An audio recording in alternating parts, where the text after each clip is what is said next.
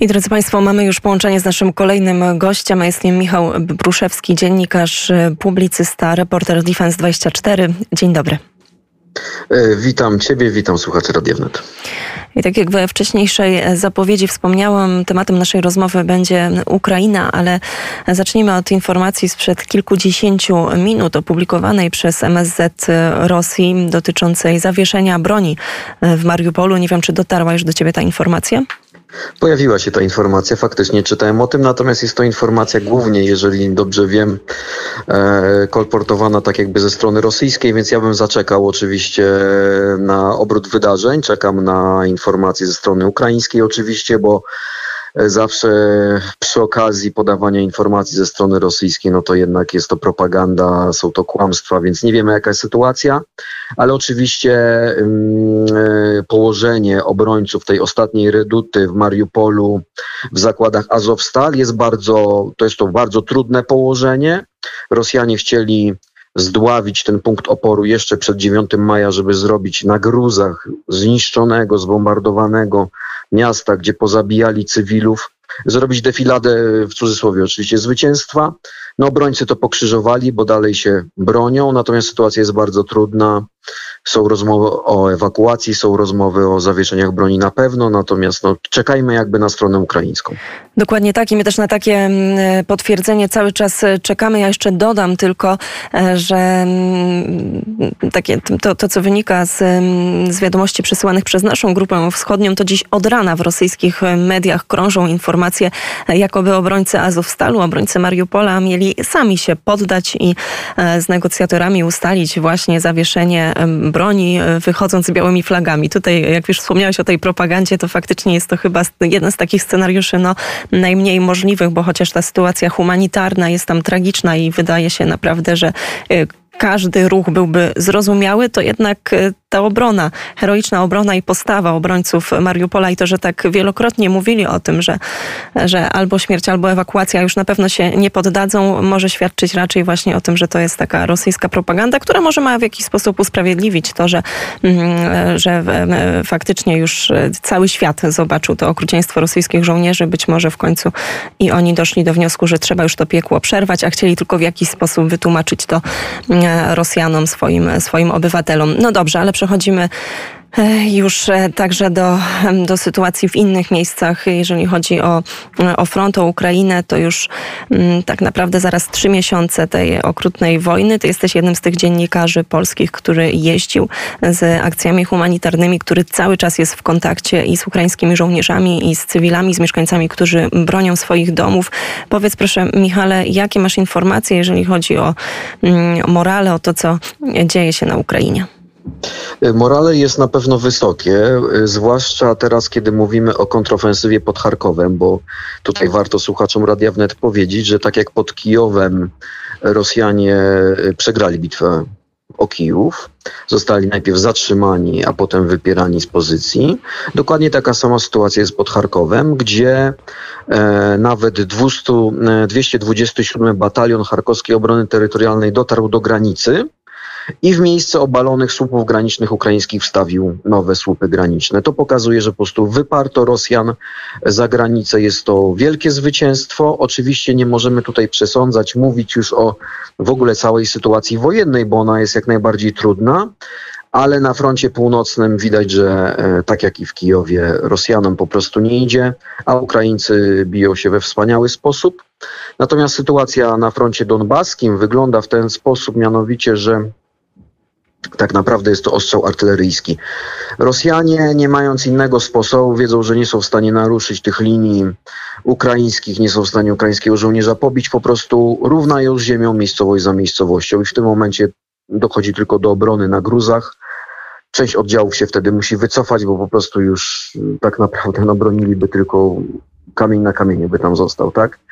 E, e, więc to są, to są mniej więcej takie zdobycze, ale one są bardzo małe i wygląda na to, że ten plan rosyjski, e, tak nam się wydaje oczywiście, śledząc sytuację, że odpuszczają Kijów, ale na wschód od Dniepru, od Charkowa na północy do Mariupola na południu prą, muszą kolejny raz minimalizować, no bo pod Charkowem ten plan się nie powiódł i Ukraińcy go pokrzyżowali.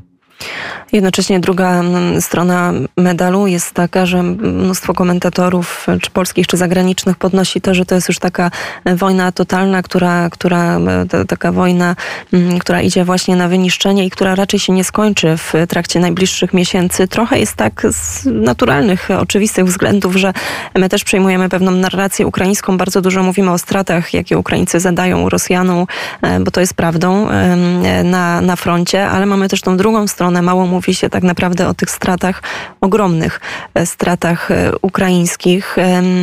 Powiedz mi proszę też, jak ci się wydaje, jak rozmawiasz z tymi ludźmi, z tymi, którzy zostali, którzy zdecydowali, że będą swojego kraju bronić tak naprawdę do końca, jak, e, jak, jaki jest też, czy, czy w ogóle bierzesz pod uwagę taki scenariusz, ty też jako dziennikarz, jako, jako człowiek, który się zajmuje e, strategią, że mm, być może to będzie taka wojna totalna, że być może będziemy mieć i 10 milionów tutaj uchodźców z Ukrainy, a tak naprawdę Ukraina też zostanie po prostu kompletnie zniszczona, bo to jest też tak naprawdę no, coś, o czym my nie chcemy mówić, nie chcemy myśleć, ale mhm. mało, mało też w tej przestrzeni medialnej pojawia się tych informacji, o jakiej skali my tak naprawdę krzywdy już teraz zniszczeń, o jakiej skali śmierci po stronie ukraińskich żołnierzy, cywilów mówimy?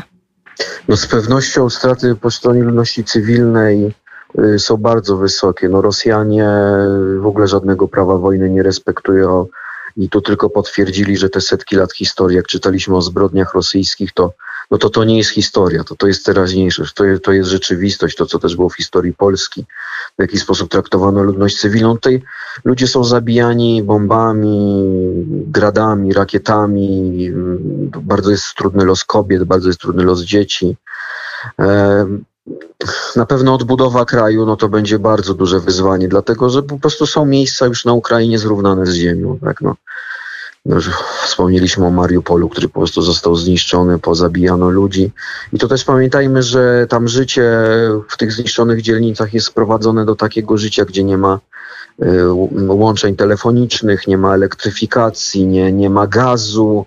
Ludzie, jeżeli jest chwilka, że nie ma ostrzału, to po prostu szybko wychodzą przed dom, zapalają malutkie ognisko i znalezione jedzenie, które przecież też jest bardzo niskiej jakości, bo to, to są jakieś rzeczy po piwnicach znalezione, gdzieś tam, prawda, w domach zbombardowanych są w stanie po prostu sobie, sobie jakoś tam ugotować czy usmażyć i, i, i, zjeść na szybko, ale też dużo ryzykują tym dzieci, no to to stracone pokolenie tych dzieci, które po prostu widziały koszmar wojny. Więc na pewno ta odbudowa, pomoc jest bardzo, bardzo potrzebna. E, ja też e, planuję wrócić na Ukrainę, więc no bo po prostu każdy z nas, który tym tematem się zajmuje, czuje, że po prostu musi tam być, no bo to jest, to jest bardzo ważne, żeby jakoś wspierać, pomagać, żeby ten głos walczącej Ukrainy był słyszany w Polsce. To jest bardzo istotne. Ten scenariusz, o którym wspomniałaś, faktycznie no, są różne scenariusze, które można rozpisać. Ten pozytywny byłby taki, że po prostu Rosja już nie ma siły i będzie musiała się na jakieś warunki ze strony ukraińskiej zaproponowane zgodzić, bo bo przegrywa pod Kijowem, bo pod Charkowem. Chcielibyśmy w to wierzyć. Natomiast inne scenariusze mogą być takie, że faktycznie to będzie taki Donbas w większej skali, że po prostu będą linie okopów. Nieładnie się mówi, że się zamrozi konflikt, ale on w pewnym momencie ustanie na jakiejś linii frontu, ale to będzie straszne dla ludności cywilnej, no bo ta ludność cywilna, która znajdzie się na terenach okupowanych, no to już widzimy, jak jest traktowana. Ludzie umierają z głodu, no, kobiety są gwałcone, ludzie w ogóle są wywożeni gdzieś w głąb Rosji, my nawet nie wiemy gdzie, trafiają do obozów filtracyjnych, które już się porównuje do obozów koncentracyjnych, no straszliwy jest ten los. Jeżeli ta wojna będzie się ciągnęła, to oczywiście yy, kosztem ludności cywilnej, ale to też nie jest tak, że, że jakby tylko ta gospodarka, ta ekonomia ukraińska się na tej wojnie wykańcza, bo wykańcza się też rosyjska. Widać to od tej strony wojskowej. No, mm, straty w sprzęcie, straty w ludziach są tak wysokie, że i też y, wielu ekspertów ukraińskich o tym mówi, że w Rosji wychowało się pokolenie, które traktowało Władimira Putina jako tam pewien wzór, prawda, kult jednostki i tak dalej. No, ci ludzie pomimo ogromnej inwigilacji, pomimo ogromnej blokady z informacjami, część tych ludzi, zwłaszcza młodych, ma dostęp do różnych internetowych aplikacji i oni na pewno widzą te dyskusje, śledzą. No, żołnierze się nie palą wcale na front tutaj, przez co publikowane rozmowy, że oni nie chcą walczyć. Na pewno młodzi rekruci nie chcą iść w kamasze, żeby, żeby walczyć, więc no jeżeli ta bańka informacyjna w Rosji w jakiś sposób by się przerwała, plus właśnie jeszcze te, te, ta dotkliwość w postaci y, kosztu wojny, no to ona jakby dla, także dla tej strony rosyjskiej sprawia, że przeciąganie tej wojny jest kosztowne. Ale oczywiście to jest ten scenariusz, w którym zakładamy, że jest w tym wszystkim jakaś kalkulacja, jakaś racjonalność. Natomiast Putin to jest drugi Hitler, drugi Stalin, więc niestety wszystko jest możliwe, nawet najgorszy scenariusz.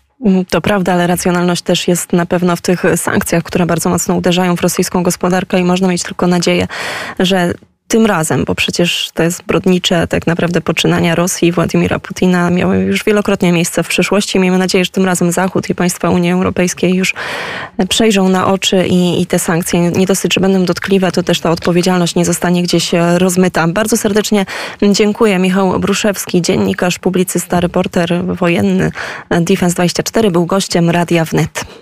Dziękuję.